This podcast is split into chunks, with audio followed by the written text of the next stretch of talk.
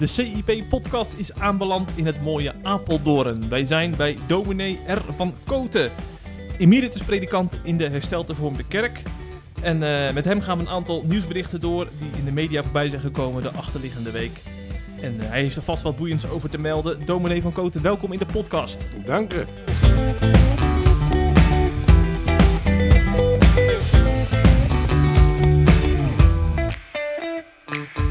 Het is niet de eerste keer dat CIP hier eh, bij u is. We hebben een keer wat filmpjes opgenomen met uw vrouw, hè? Ja, dat was ook, eh, hebben we nog goede herinneringen aan. Ja, ja. Ja, Voor de, voor de luisteraars die het nog willen terugbekijken, eh, op CIP slash video zijn ze nog steeds te vinden. Video's over het overlijden van uw zoon ja, en de lessen die u heeft geleerd met uw vrouw samen. ja. Dat was heel, heel waardevol om te doen. We gaan het in deze podcast hebben over de actualiteit natuurlijk. Hè. Maar ik wil eerst horen waar u zich aan gestoord heeft in de achterliggende week.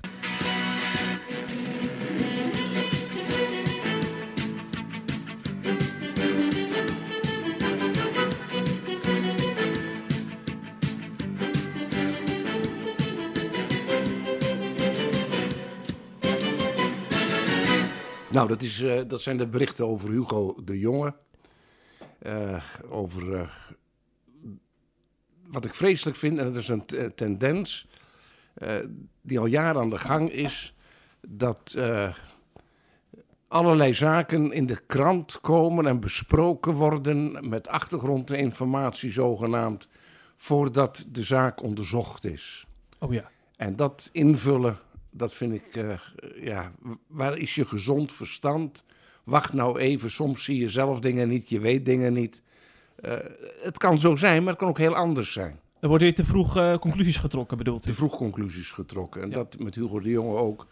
Hij wordt aan de schandpaal ge- eh, genageld en er wordt gezegd, als dat waar is, kan die geen minister blijven. Ja, dat vind ik toch wel voor de muziek uitlopen. Hm, hm. Soms denk ik wel eens dat we in een genadeloze samenleving terecht zijn gekomen. Hè? Je mag geen fouten meer maken. Is dat hiermee te maken? Of, Ja, keihard voor een ander. En soms komt bij, bij hen zelf later van alles openbaar.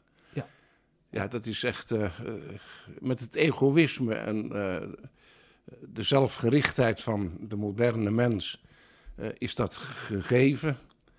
En ja, men mist de zelfreflectie en de verbinding met anderen, wat het ook betekent, wat je voor een ander als je hem zo genadeloos afstraft. hm, Ja, ja. Nou, we gaan de komende weken afwachten of er meer duidelijkheid komt. En of Hugo de Jonge blijft ja of nee als minister.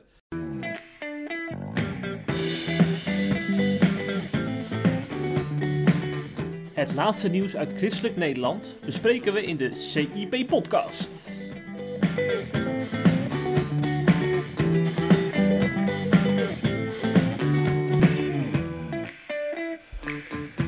Eh, we gaan het hebben over eh, eh, een heel bijzonder rapport. Dat in de vorige week uitgebreid aan bod is gekomen in de christelijke media. Dat is namelijk een onderzoek van het Sociaal Cultureel Planbureau. Over het aantal gelovigen in Nederland. En eh, de uitkomsten zijn redelijk historisch, zou je toch kunnen eh, zeggen. Want voor het eerst is het aantal ongelovigen. eh, is, is, heeft zeg maar gewonnen van het aantal, niet, van het aantal gelovigen. Klinkt een beetje gek, maar Nederland was natuurlijk altijd wel gewoon een gelovig land. Hè? De vraag is of, of wij een christelijk land waren, maar het geloof heeft altijd wel ehm, de boventoon gevoerd. Dat is nou niet meer het geval. Nederland is zelfs een van de meest eh, geseculariseerde landen van Europa. Eh, heeft u dat rapport ook eh, met schrik gelezen, dominee? Eh, ja, dat wil zeggen. eh, de waarheid weten en dan nog een keer hardop bevestigd zien, eh, is altijd weer ernstiger. Als zodanig verbaast het me niet. Mhm. Eh, ik denk ook dat wij eh, te romantisch gedacht hebben, God Nederland en Oranje. eh, dat wij het Israël van het Westen waren en er zijn rijke zegeningen in onze historie terug te vinden. Maar dat we ook eh, komend vanuit eh, ja, dat de christelijke partijen, AR, CAU. eh, De voorlopers van de ChristenUnie. en de Rooms-Katholieke Volkpartij, dat het grote partijen waren die Ja. vaak de meerderheid vormden. Eh, ja, ondertussen is dat secularisatieproces doorgegaan. Mhm. En eh, ik verbind het ook mede met heel de tijdgeest. Eh, Denk aan D66, die op veel belangrijke posten hun mensen hebben. En die echt een kruistocht eigenlijk bezig zijn tegen alles wat christelijke wortels heeft uit de joods-christelijke uh, achtergrond van onze samenleving. Daar plikken we nu de vruchten van. Ja, Hm. ja. Ja dus, dus, dus, dus, dus, dus dat, dat hautaine denken zonder ook, ook nog verantwoording af te leggen van de geschiedenis en de historie. En eh, eerst ruimte vragen en dan ruimte gekregen hebben en dan meedogenloos voor de ander. Ja, ja, ja. Want dit proces heeft u natuurlijk ook van dichtbij zien voltrekken. Hè? Eh, eh, want ik ben natuurlijk een kind van de, van de jaren negentig. Maar u heeft al die decennia daarvoor al gezien Ja. hoe het zich voltrok. Ik ben in 1950 eh, Ja. geboren en eh, ja, we hebben die eh, ontwikkelingen allemaal meegemaakt, maar ook de 60 jaren. Met de doorbraak en de Dolomina's en hoe, ja... kijk, ik denk dat er een verschil is tussen Nederland en Amerika. In Amerika, zal ik maar zeggen, het is nog een christelijke natie. Eh, het, het, het, het, volkslied, eh, allerlei dankdagen die men heeft. Terwijl dat ook een stuk vernis is. Hm. Eh, het, Calvijn zegt al heel nuchter: het zal nooit zo zijn dat de ware christenen de meerderheid vormen. Nee. Maar het is wel een zegen als, als er een, een, een, ja, een behoedende werking uitgaat van eh, christelijke partijen en van de kerken. Maar en dat is het geval geweest. dat is in het verleden Ja. eh, nog wel het geval geweest. Hm.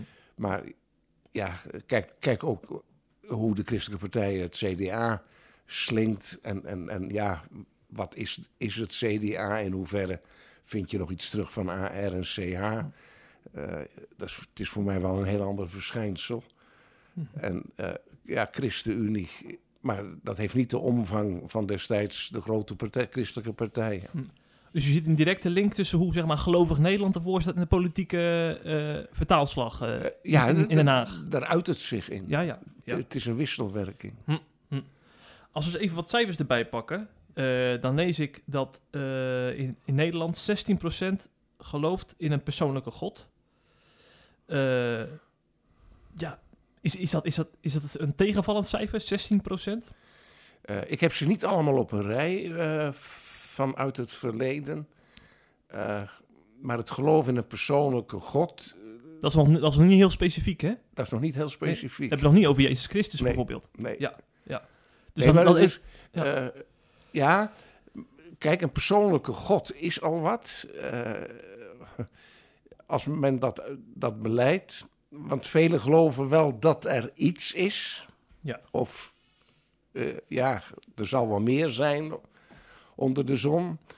ja, je hebt 36% die zich betitelt als agnost. Hè, dat zijn toch de, de mensen die zeggen er is iets. Ja, Dat is weer een andere groep. ja. Maar het heeft, alle, het heeft allerlei vormen. Ja, Allerlei vormen. moeilijk hard te maken in cijfers, ja, hè? Ja. Ja, ja. En 32% zegt echt niet gelovig te zijn. Hè? Dus dan, eh, eh, dat is toch een derde van Nederland. Die gewoon alle, alle vormen van spiritualiteit uitsluit, Ja, zeg maar. Ja. ja. Ja, ja. dus uiteindelijk zijn wij echt een hele kleine minderheid geworden als, als christenen. Dat is de conclusie die je wel kan trekken.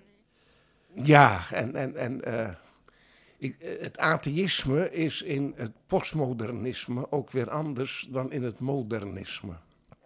Wat is het verschil dan? Eh, in het postmodernisme is het, het, het verhaal geworden ja, van een bepaalde groep mensen dat er een God is, maar val mij er niet mee lastig. Ja. Terwijl eh, eh, in het modernisme er nog eh, existentiële discussies en debatten gevoerd werden. Ja, ja. En dus het is, het is een stap verder waarin we nu beland zijn. En ik zie het als een oordeel eh, in de ontwikkeling, zoals Paulus dat ook tekent in de Romeinenbrief, dat de mens die niet meer wil kennen en erkennen wat van God te kennen is in de schepping, wordt met dwaasheid geslagen, met blindheid, dat hij ook zichzelf niet verstaat.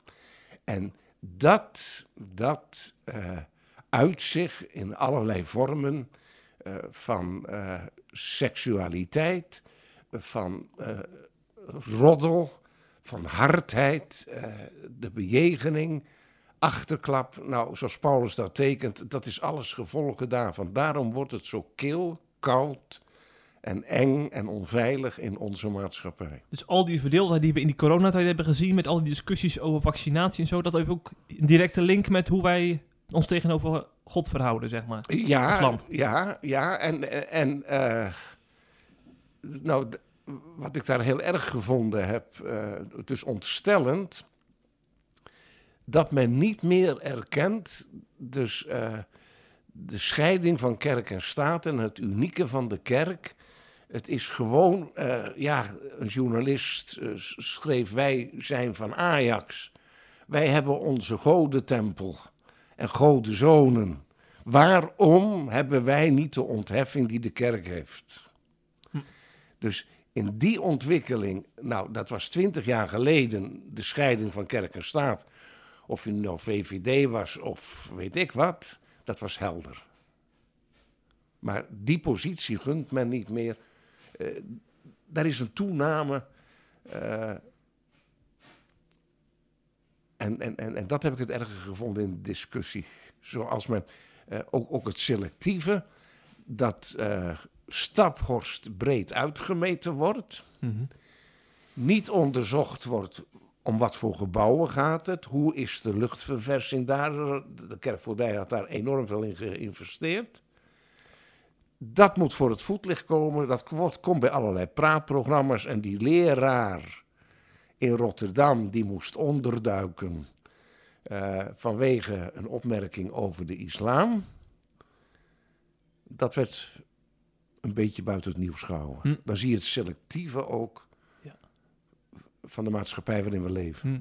Over praatprogramma gesproken, hè, als je daar als christen daarin aanschuift, uh, dan zou je weer opnieuw een nieuwe taal moeten ontdekken, volgens theoloog Kees van Ekeris, om het christelijk geloof onder woorden te brengen. Hè. En zij kunnen we helder uitleggen wat de grondwoorden van het christelijk geloof zijn en ook accepteren als mensen ons toch niet begrijpen. Bent u het met hem eens dat we eigenlijk weer naar een nieuwe taal toe moeten om zeg maar, dat, die kloof tussen niet-gelovig en ongelovig uh, te slechten? Ja en, en, en, ja en nee. Uh, punt 1 wil ik zeggen, ik geloof niet dat ik om het uit te leggen bij een praatprogramma moet aanschuiven. Omdat, uh, dat moet wel een heel bijzonder praatprogramma worden, want de, degene die het leidt wil zijn punt maken. Oké, okay, zo ziet hij dat. Uh, Lord Jones was er ook fel tegen. Hij zegt dat zijn, dat zijn ontmoetingen waar je het geloof niet uiteen kunt zetten. Hm. hm. En, en dat ben ik met hem eens. Uh, dan, hoor je, dan word je, als je een standpunt hebt wat anders is, is men heel scherp erop. En je bent bezig het duidelijk te maken. Halverwege de zin vliegt men erin. Ja, ja maar. Dus ik geloof niet dat ik het geloof moet duidelijk maken. Uh, bij op één of weet ik waar. Ja, maar als we bijvoorbeeld naar de lokale buurtsuper in Apeldoorn gaan, dan kunt u natuurlijk ook mensen tegenkomen die, die bijvoorbeeld uh, ontzettend liberaal zijn. Daar heeft hij misschien ook weer uh, nieuwe woorden voor nodig om die mensen te bereiken. Anders dan in de kerk, denk ik. Dan, dan ja, nee, maar dat, dat, ja. dat is helder. Ja? Maar, maar, waarom zei ik ja en nee? Hmm. Ik denk dat... Ik denk allereerst naar binnen. Niet omdat ik me afsluit voor buiten, ja. maar ik denk naar binnen. het is onze opdracht dat de gemeente het evangelie leert verstaan in de context waarin we leven zonder dat die context het uitgangspunt wordt. Kijk eens, kijk eens naar uh, ja, Paulus. Uh, hij schreef voor slaven, voor mensen die niet lang geleden heiden waren, in het occultisme zaten, weet ik waarin. Uh, hij geeft gedegen onderwijs. Dus dat vind ik gewoon. De kerk moet investeren in, in catechese, uh, twee jaar. Je hebt ze, rust ze toe dat ze de dingen leren verstaan. Want het is voor mij een feit dat hoe meer ik iets beheers, hoe eenvoudiger ik het kan vertalen. Uh, daar verwonder ik me ook over. eh eh, dat is ook met, met, met, met eh, chirurgen en dergelijke. Eh, de een zit moeilijke Latijnse namen en de ander weet het heel eenvoudig te vertellen en uit te tekenen, omdat hij zijn vak beheerst. Hm. Dus de christenen moeten het onderwijs van Paulus eh, ja, verstaan. Het moet hen eigen zijn. Ja. En als dat je eigen is, kijk maar in de handelingen, de preken die ze dan houden, dan houdt men de grondslag vast en vertolkt het in een taal die de mensen kunnen verstaan. Maar eh, dat betekent dat iedereen een categorisatie moet. Eh, iedere christen, kijk, er is een hele tijd geweest, niet de leer, maar de Heer. Dat is zo'n stupide opmerking. Maar kwam dat, komt dat uit de evangelische hoek of zo? Ja, Eh, en, en, en, en, en, en dat, hoorde je ook wel in kerken, maar het is zo dwaas. Paulus heeft altijd eerst de leer. En dat is geen droge schoenzel, maar het is het magistrale wat God gedaan heeft en wat God doet. En als dat helder is, komt hij bij het leven zo dan, broeders, en dan gaat hij toepassen op hoe je dat eigen eh, uitleeft in het concrete leven. Ja, maar ik ben het helemaal mee eens. Maar wat ik toch wel vaak in de praktijk zie, is dat mensen zeg maar, wel de leer beheersen, maar toch vaak ook eh, moeilijk vinden om, om bijvoorbeeld op het werk al te, te, te- te vertellen hoe je de zondag hebt ervaren, bijvoorbeeld, omdat het dan te dichtbij komt. We moeten natuurlijk ook wel durven uitstappen in die zin, hè? Eh, Nee, maar dat, dat is Ja. dus, dat, maar dat is geen tegenstelling Nee, nee, nee, zeker niet. met, met het onderwijs. Klopt, klopt, dat is geen tegenstelling. Maar dat heeft met andere, eh, ja, ben je alleen maar een naamchristen? Eh, heb je een persoonlijke relatie met de Heer Jezus? En kijk, je hebt mensen die op een verjaardag het grootste woord hebben. En als ik vraag, hoe is het nou geestelijk? Ja, daar praat ik niet makkelijk over. Dan zeg ik, dat is kwatsch. Dat is onzin. Als je met vrijmoedigheid praat over een nieuwe auto en wat dan ook. En niet over het geloof. Kijk, iemand die in, ingetogen op een verjaardag zit, eigenlijk niet veel zegt en luistert. Dat die niet veel zegt over het geestelijke, maar juist met zijn leven spreekt. Prima. Dus eh, ik zou willen beginnen. Hoe is je relatie met de Heer? Eh, kijk, als ik over mijn vrouw eh, ga praten en hoe we elkaar hebben leren kennen, gaan mijn ogen glanzen. Ja, ja. En nou, als je die relatie met de Heer hebt, hoef je niet veel te zeggen, maar dan proeft men wel wat het is. Hm. Kijk, dat je op je werk. eh, ik heb het zondagavond nog in de preek in Katwijk over waarom zijn de werken, het goede werken nodig. Eh, nou, dat is ook opdat de naaste ge- ingewonnen wordt voor de dienst van de Heer. En wat is daarin het belangrijkste? Ik weet niet of wel eens opgevallen. Maar de Heer Jezus zegt in de bergreden: Jullie zijn het zout voor de aarde. Begint met zout. En dan zijn jullie het licht voor de wereld. Eerst het zout tegen het verderf. Als jij net zoveel schuine mop op je werk vertelt als je collega, kan ik me voorstellen dat je het moeilijk vindt om iets over de Heer te vertellen. Ja, ja, ja. Je bent geen zout. Mhm. En als je een waar christen bent en eh, je ziet, kijk, je bent niet op je werk om te preken, daar wordt niet voor betaald. Maar ben je integer, ben je betrouwbaar, weten ze, nou die vent moet je niet hebben om te sjoemelen. Hoe sta je bekend? Je leven is het, soms het enige boek wat onkerkelijke nog lezen. Dus hoe is je leven? En bid je dan, als het goed is, Heere, geef me gelegenheid. Nou, het kan zomaar zijn dat je collega vertelt, ja, moet in het ziekenhuis, mevrouw is een knoppeltje gevonden. Nou, en, en, en, en als het dan kwaadaardig blijkt te zijn, ben je er. Stuur je een kaartje, laat je van je horen. Ja, of durf je ook zeggen, joh, wat aangrijpend, Hm? ik zal voor je bidden. Ja. Ja, ja, ja.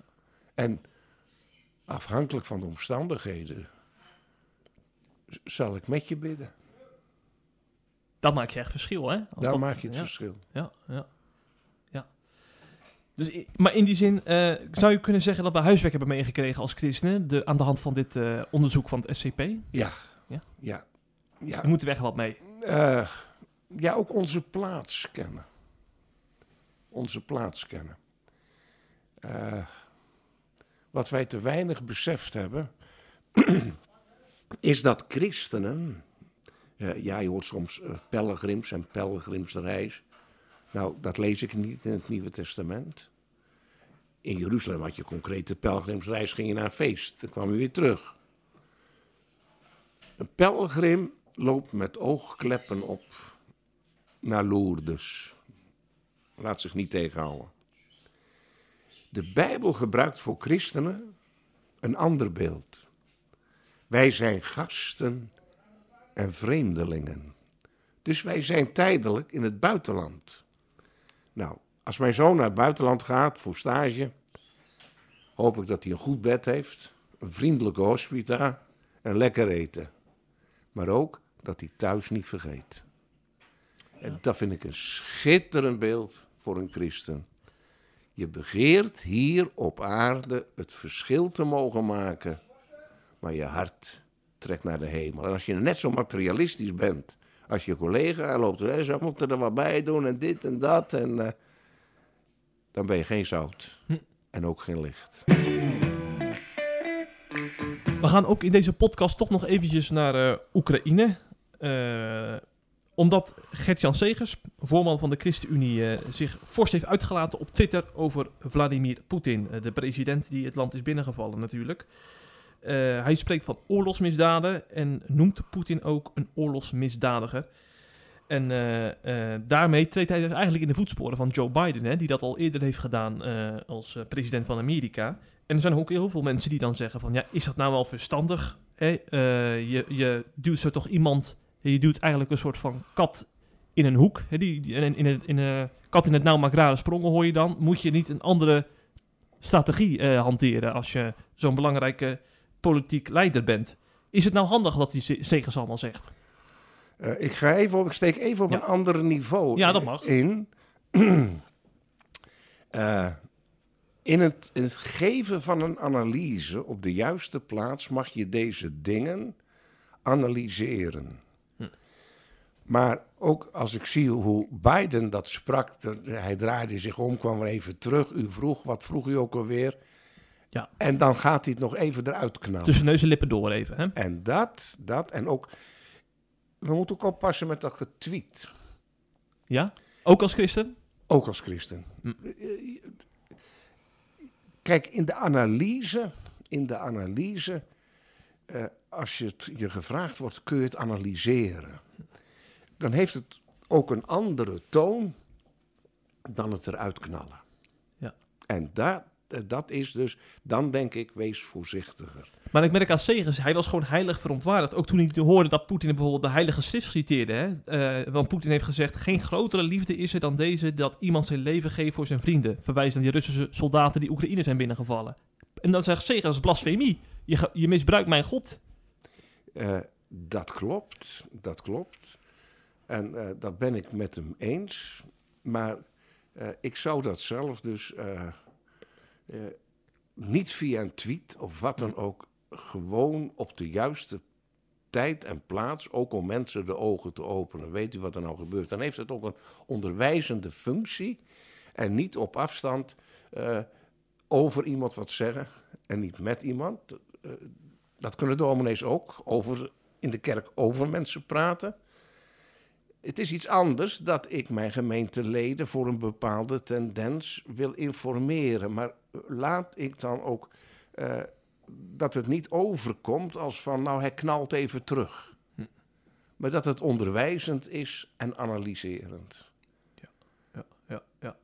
Even los van Segers. Ik vraag me ook af in hoeverre wij als hè, kerken en, en eh, gewoon christen in zijn algemeenheid ons moeten uitspreken. Hè?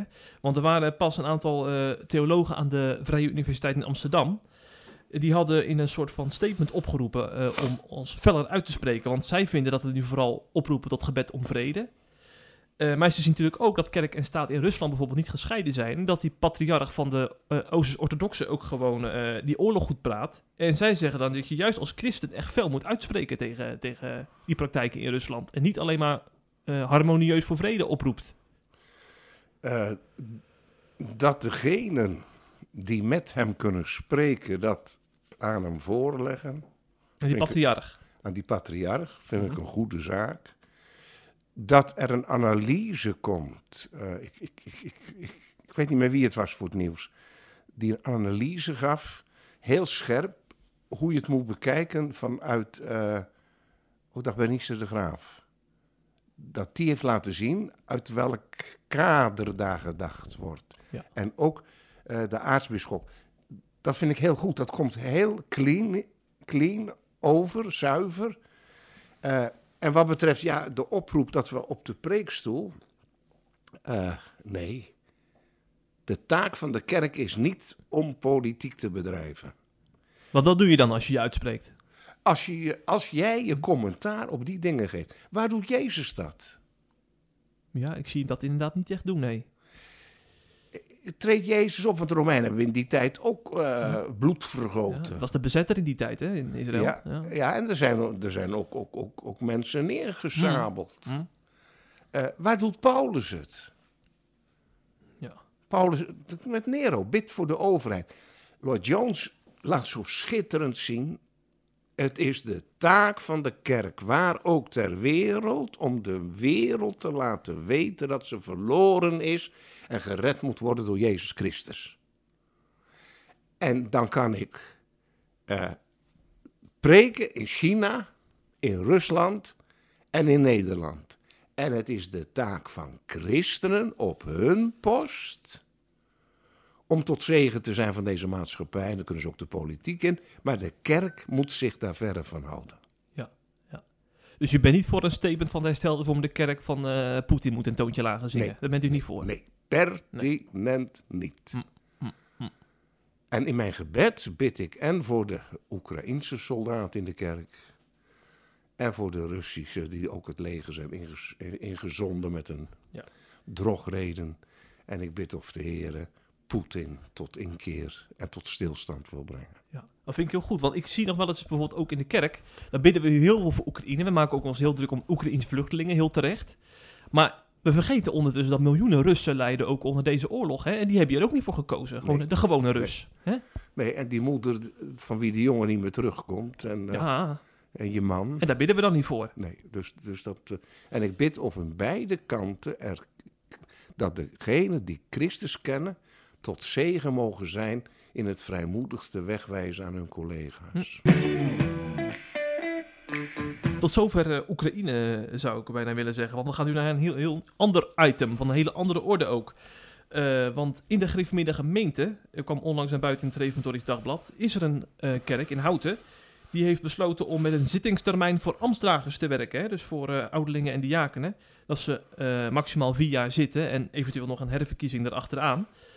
Uh, dat is eigenlijk toch wel behoorlijk nieuws in de gem. Want uh, ik, ik hoor in mijn, omgeving heel vaak dat er ambtenaren zijn die al meer dan 20 of zelfs 30 jaar actief zijn uh, als ouderling en diaken.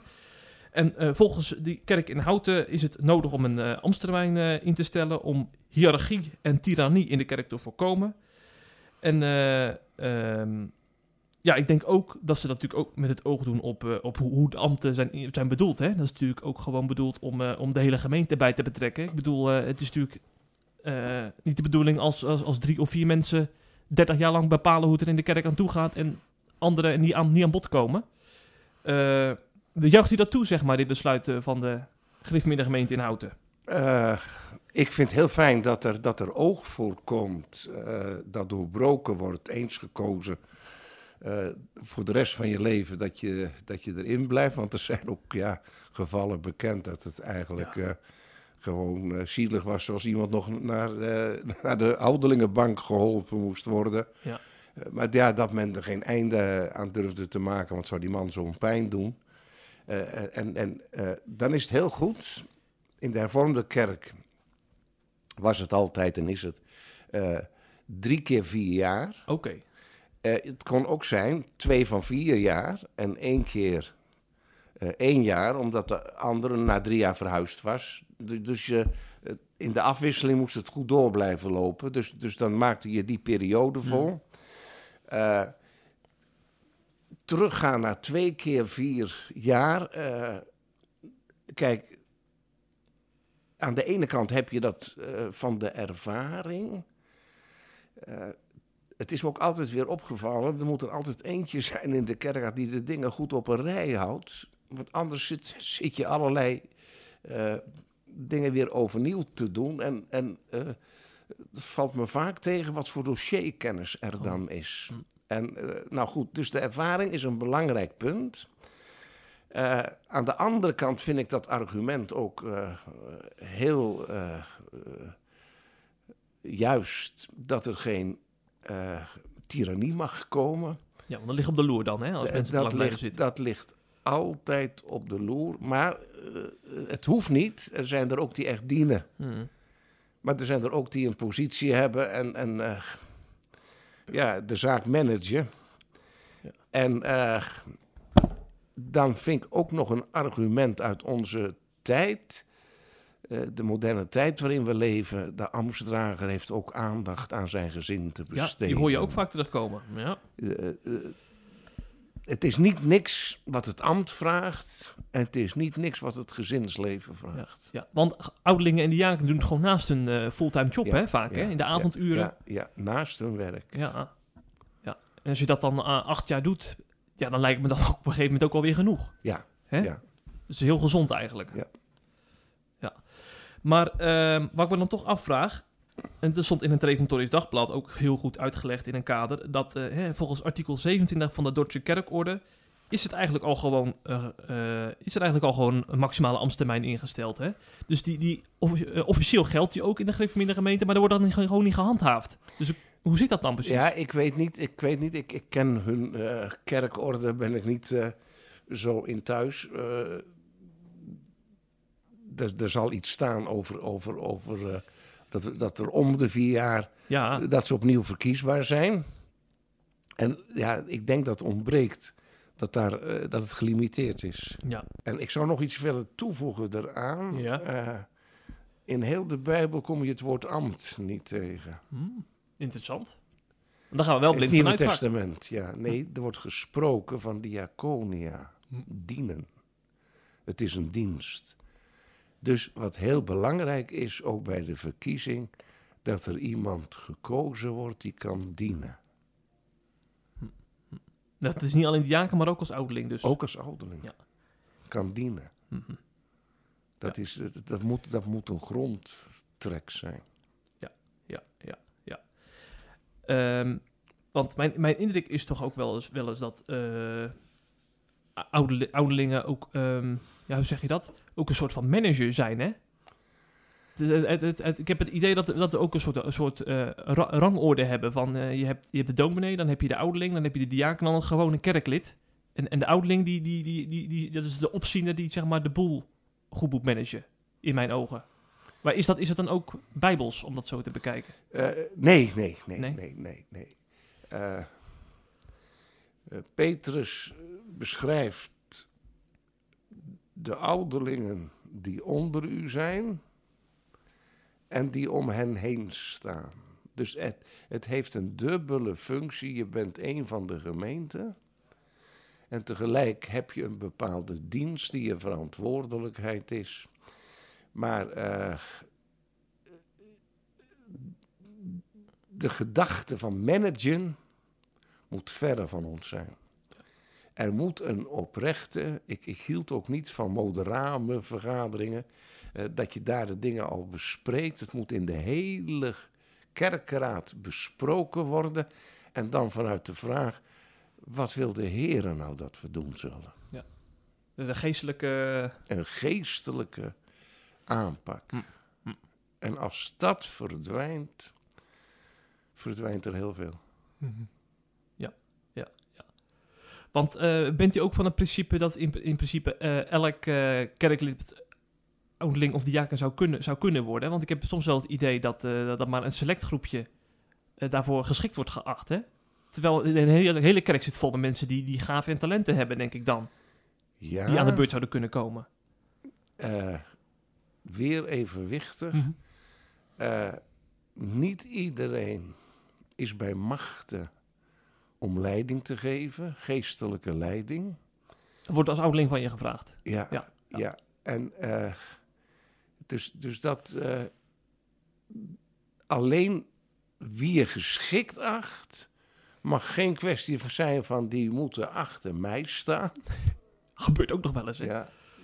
Eh, Het mag ook niet zijn, ze moeten een bepaalde maatschappelijke positie hebben.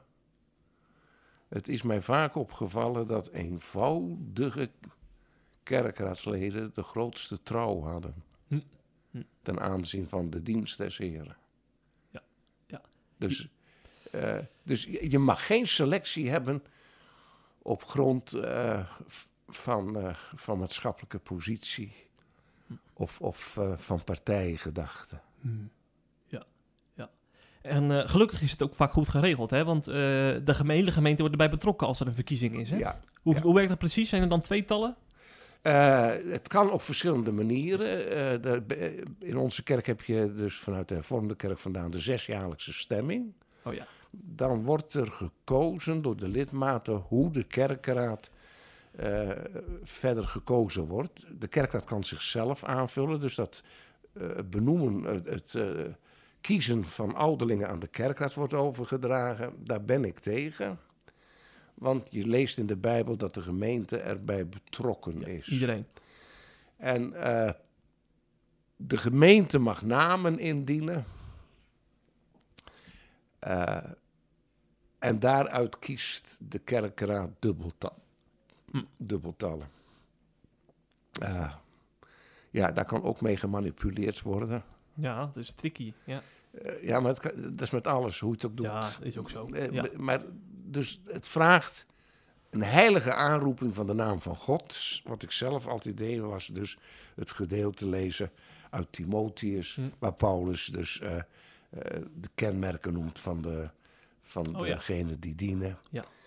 En daar komen we straks nog even op. Maar om het op het juiste niveau te brengen. Mhm. Dus het gaat erom niet eh, mijn voorkeur. Ik vroeg ook altijd, wie kent deze persoon geestelijk in de zin, eh, ja, wie is een wijkouderling, Eh, hoe zijn de gesprekken en dergelijke. Daarom wilde ik zelf graag ook zoveel mogelijk mijn gemeente kennen. Ja, ja. Heel belangrijk, hè? Heel belangrijk. Zeker. Ja. Ja.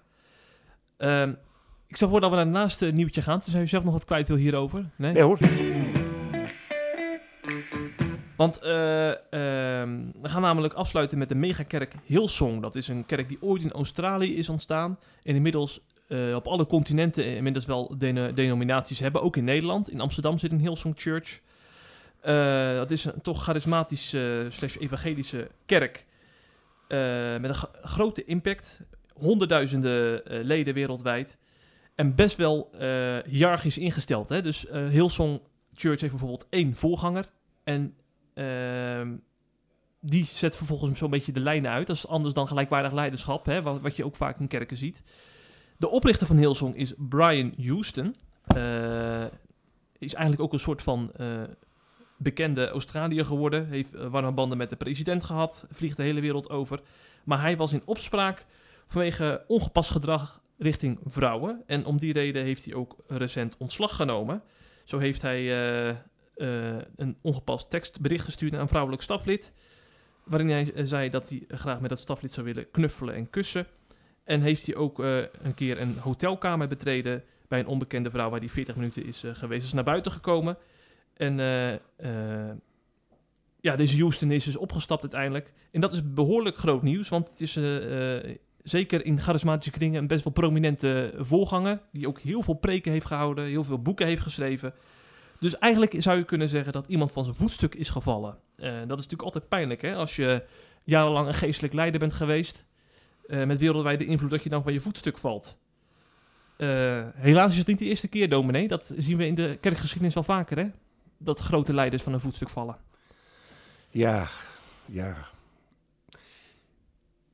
Als God je gebruikt, laat hij je sterven voordat hij je op een belangrijke post brengt. Hm. Sterf aan jezelf. Ja. Mozes moest de woestijn. Elia, nou noem ze maar op. De Jezus heeft drie jaar de discipelen onderwezen. Als, als, als uh, je, je predikantschap een zaak is van uh, goede carrière, ben ik bang. Ja. Tegelijk, wie meent te staan, zie toe dat hij niet vallen. Die tekst moet je wel heel goed uitleggen, want het is niet dat iedereen moet gaan staan bibberen op zijn voeten. Maar je denkt dat overkomt mij niet. Dan moet je oppassen dat hij niet valt. En uh, hoe doe je dat oppassen? Door heel zorgvuldig te zijn in je omgang met vrouwen. Ja. Uh, ik ging niet naar een jonge weduwe alleen thuis. Hm, bewust? Ja, dan nam ik, uh, toen ik er nog in zat, een kind mee dat, dat nog niet het gesprek opving, dat nog klein was. Ja. Het liefst nodigde ze ik bij me thuis uit, waar mijn vrouw ook was. Binnenkwam voor koffie. Uh, en het advies van uh, mijn uh, docent in seminarietijd van Gennep. Wij verschilden totaal van inzicht over de Bijbelse waarheden, maar dat vond ik steengoed van hem. Zorg altijd dat er een tafel tussen u en de pastoranten in staat. Oh ja. Want die weduwe, dat kan heel oprecht zijn. Als je, als je naast haar op een bank zit en, en, en de emoties worden te veel, dat ze tegen je aanvalt. Ja. Dat je hand op de knie legt om te troosten. Nou, dat soort dingen. Ja. Je kunt niet voorzichtig genoeg zijn. En het gebed, Heere, bewaar mij. Want het is zo'n dwaasheid met één zonde maak je heel je bediening kapot. Al die jaren, al mijn boeken die ik geschreven heb, alle preken die ik gehouden heb. Het wordt meesmuilend, wordt er verder over gesproken. Ik, en ik doe de Heere zo'n oneer aan. Daar heb je ze weer, Hm. de katjesknijpers in donker. Ja, ja, ja. Hey, als we het hebben over, ik verwees natuurlijk al even naar, naar het top-down model, wat in Hillsong geldt, hè, dat je gewoon één pastor hebt die boven, boven de kudde staat. Is dat eigenlijk, in hoeverre is dat nou, eh, eh, eh, ja, ik zou zeggen, een valkuil waar je als kerk niet zo in zou moeten trappen? Hè? Want heel veel kerken kiezen natuurlijk voor gelijkwaardig leiderschap, hè, waardoor je als pastor misschien niet van de, eh, van de realiteit losgezongen raakt, zeg maar. Ja, ja nee, dat top-down, eh, dat- dat is zo verkeerd als ik weet niet wat. Hm. Eh, dat kent de Bijbel niet. Maar, laten we niet te gek kijken. Je kunt keurig een presbyteriaanse kerk hebben. En dan ben ik wel bij eh, bevestiging en intrede van predikanten geweest in onze kerk en in de gereformeerde gemeente. En ja, dat de mensen eromheen lopen als, als, als bijen eh, rond de zoetigheid. eh, Ja. Als vliegen rond de zoetigheid. En zo verheerlijkend opkijken tegen, ja, dat is totaal verkeerd. Ik, ik, heb ook, ik heb nooit gezegd, weet u wel tegen wie u het hebt? Ik heb nooit mijn positie. Ik heb wel, ik heb wel altijd verlangd dat ze respect voor me zouden hebben vanwege de prediking dat die Bijbel getrouw is. En eh, het is levensgevaarlijk. Een mens moet ervoor beducht zijn. Als je, als je geprezen wordt en, en, en je krijgt allerlei veren in je achterwerk. Het is levensgevaarlijk. De Heer is ook jaloers op zijn eer. Hmm. Maar voor de duidelijkheid, een, een, dominee zeg maar, in, eh, in uw kerk, die, die staat niet boven de partijen. Dat is gewoon de voorzitter van de kerkenraad dan. Eh, de dominee is eh, van origine, het is uit de, des- ik weet niet, het is uit de kerkorde van 1951 later weggegaan, maar van origine moest de dominee voorzitter zijn. Waarom? Omdat hij de profeet was en moest bewaken dat de dingen bijbels waren. Dus in de doordenking theologisch van Ja. de consequenties van besluiten moest dat een predikant zijn. Hmm. Ook bij de synode. En, eh, maar als zodanig geen eh, eh, ja, primus inter pares, dus de eerste onder zijns gelijken. Ja. Je bent natuurlijk als de professional, eh, heb je een bepaalde positie, maar onder gelijken. Ja, dat is natuurlijk het verschil waar, met, eh, waar we het nu over hebben. De, de kerken waar een top-down model heerst. Hè? Dat de pastor echt er letterlijk boven staat. Ja, ja. Dat, dat, dat is in jullie kerken niet het geval. Nee, nee. Is dat, is dat al een belangrijk eh, eh, eh, ingrediënt zeg maar, om, om dit soort eh, misstanden te voorkomen? Eh, Leiderschapsmodel van de kerk? eh, ja, ik, ik, ik gaf net aan dat je ook reformatorische gemeenten hebt, waar, Ja. waar men kwijlt van de dominee. Dat heet is geen garantie natuurlijk. Het is geen garantie, maar ik, het, het is wel een goede aanzet. Het, het- het- kijk, niet om dat te voorkomen, maar gewoon omdat het zo in de, in, in de kerk van Jezus Christus moet zijn. Ja.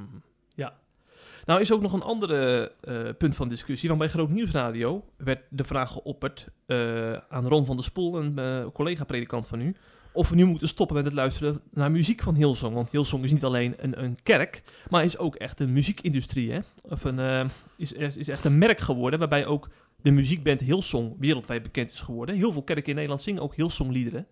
Dus als dan zeg maar de voorman van zo'n gemeenschap van zijn voetstuk valt, is nu de vraag: zou je ook met die muziek moeten stoppen om een soort statement te maken? Je hebt kans dat ik bij verschillende liederen zou zeggen, daar moet je mee stoppen. Ja, los van deze kwestie. Maar dan inhoudelijk.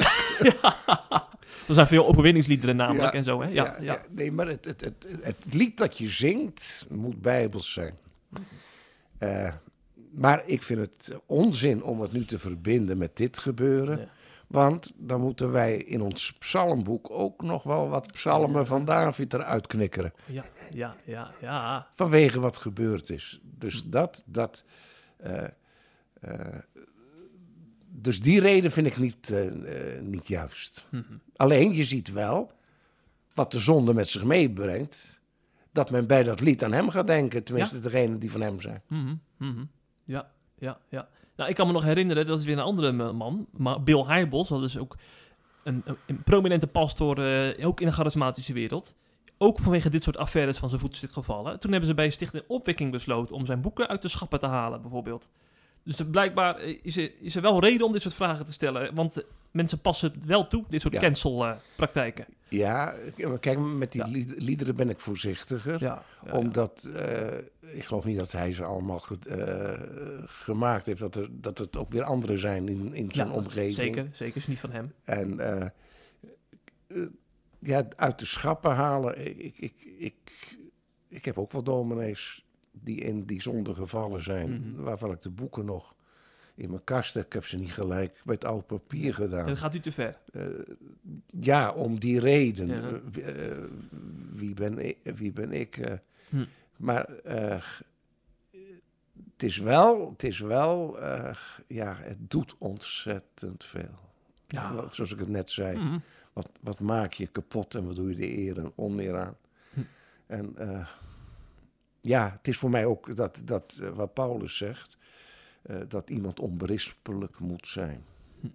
En dat geldt niet alleen de seksuele, het geldt het morele karakter van de voorganger, het geldt het gezinsleven van de voorganger.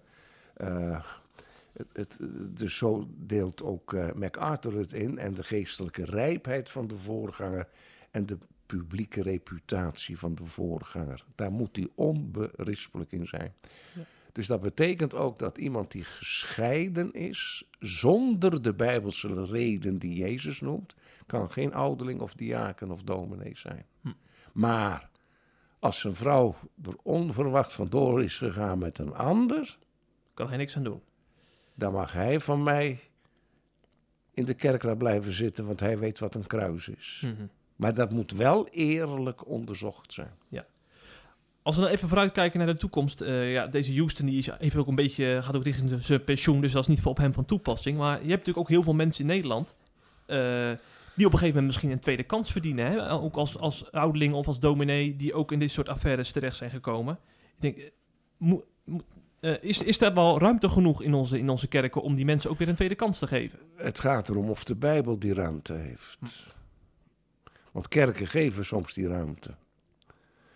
Maar ik ben er heilig van overtuigd De vergeving opent wel de deur naar de hemel, maar niet de deur naar het ambt. Niet naar het ambt. Niet Per definitie niet? De voorganger moet onberispelijk zijn. Dat betekent, hij moet, eh, dus dat Griekse woord is uit twee woorden eh, samengesteld. Eh, het is het woordje niet en het woordje pakken. Je moet niet gepakt kunnen worden. Oké. Dat is onberispelijk zijn. Ja. Dat is wel hard eigenlijk, hè? Nee, Nee? nee. Want als je, als je je leven lang gestudeerd hebt en je, hebt, je bent eh, zeg maar een vakman en je hebt er één keer een misstap begaan, dan zit je de rest van je leven op de blaren, zeg maar. Ja, ja nee, maar zo, zo ernstig is het.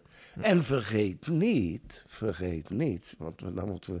eh, ik, vind- ik vind het wel ontzettend, maar vergeet niet, hoe is het met die vrouw verder Ja, gegaan? waar. Ja.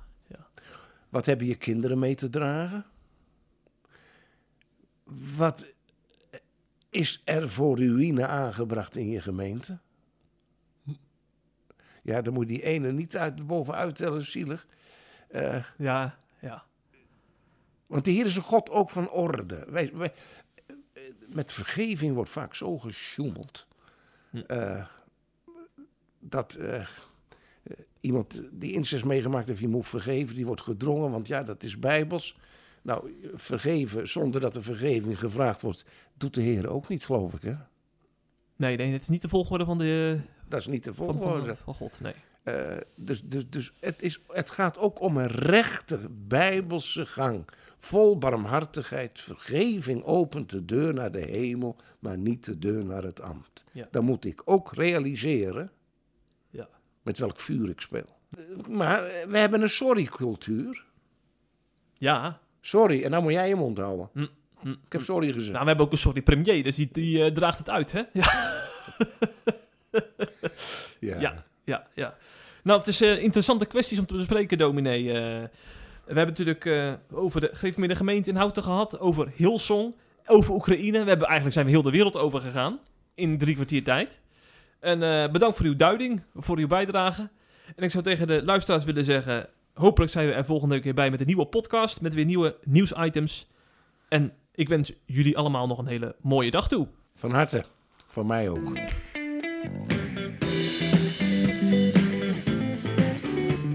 Je luistert naar de CIP-podcast. Volgende week weer een nieuwe aflevering. Wil je onze artikelen lezen? Ga naar cip.nl en word CIP Plus lid.